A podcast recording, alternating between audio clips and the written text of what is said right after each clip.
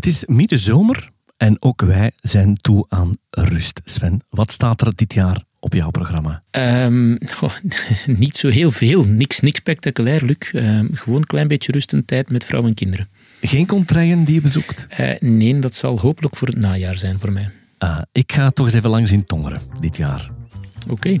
Maar we maken deze hele korte aflevering enkel om te vertellen dat wij onze oude studio verlaten hebben. We hebben die ontmanteld. En Sven en ik zitten op dit moment vol grote plannen.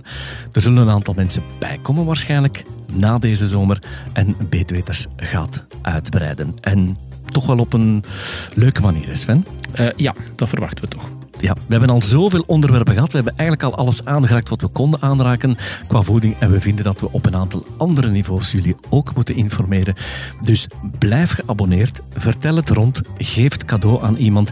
Zeg tegen jouw beste vriend, je moet eens luisteren naar deze podcast, want er zit misschien wel iets interessants in voor jou.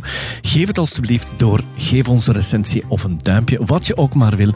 En wij zullen dan nog meer informatie aan jullie kunnen geven in de toekomst. Tot binnenkort. Tot binnenkort.